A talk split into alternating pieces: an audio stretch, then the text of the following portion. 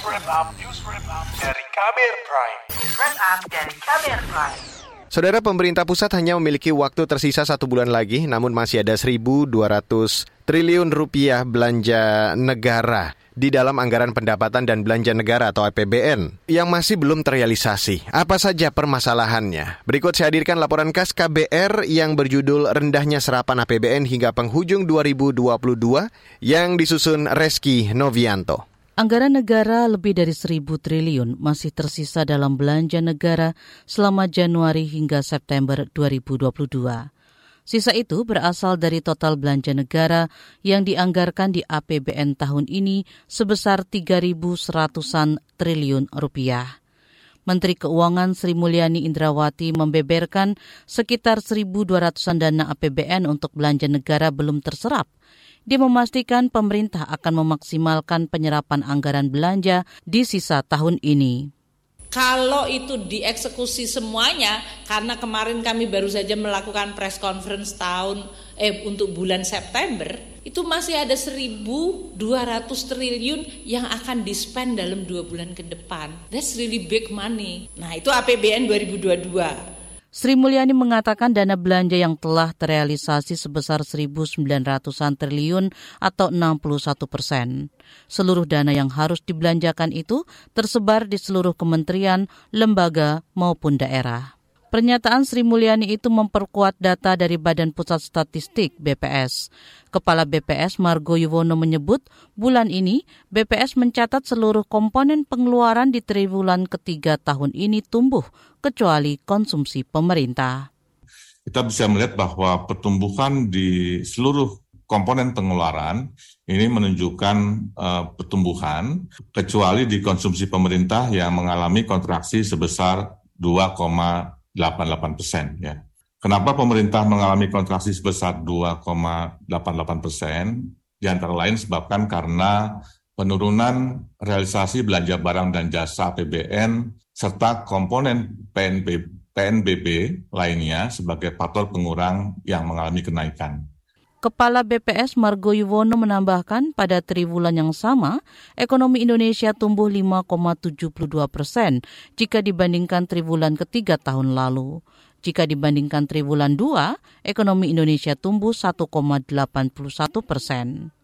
Besarnya dana pemerintah yang belum terserap mendapat sorotan kalangan parlemen. Anggota Komisi Keuangan DPR dari fraksi Partai Gerindra, Kamrut Samad, menyesalkan pemerintah yang lamban merealisasikan anggaran, padahal menurutnya sesuai aturan seluruh anggaran harus sudah terrealisasi sebelum 15 Desember 2022.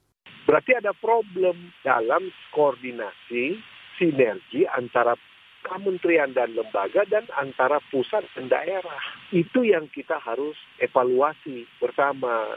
Jadi kita sangat menyayangkan di tengah teks rasio kita sudah mulai membaik, harusnya APBN dibelanjakan tepat waktu sehingga te, te, manfaat sosial dan manfaat ekonominya buat masyarakat bisa dirasakan lebih awal, tapi kenyataannya di kuartal keempat belum masih ada tersisa 1.200 triliun lebih.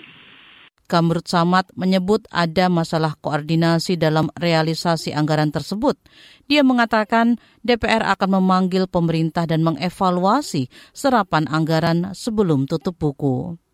Kalangan ekonom turut bersuara terkait rendahnya realisasi APBN. Wakil Direktur Lembaga Kajian Ekonomi Indef Eko Listianto menilai rendahnya serapan merupakan bukti tidak optimalnya perencanaan anggaran karena keterbatasan waktu dalam perencanaan.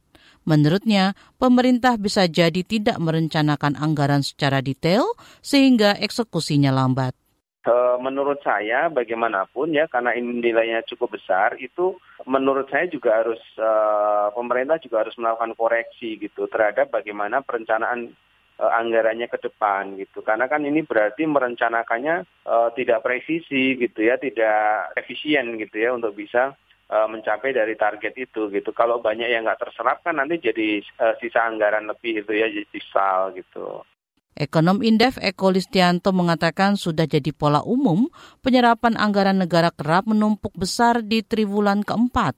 Eko mengatakan kondisi ini harus menjadi perhatian, sebab pos anggaran yang belum terserap biasanya berkaitan dengan kegiatan atau proyek besar di akhir tahun. Dia mendorong agar transisi serapan anggaran dari tiap triwulan bisa seimbang sehingga tidak menumpuk di akhir tahun. Meski sukar dilakukan, ia yakin pemerintah bisa melakukannya melalui formulasi dan perencanaan yang matang sejak awal. Demikian laporan khas KBR yang disusun Reski Novianto. Saya Fitri Anggreni. Kamu baru saja mendengarkan news wrap up dari KBR Prime. Dengarkan terus kbrprime.id, podcast for curious mind.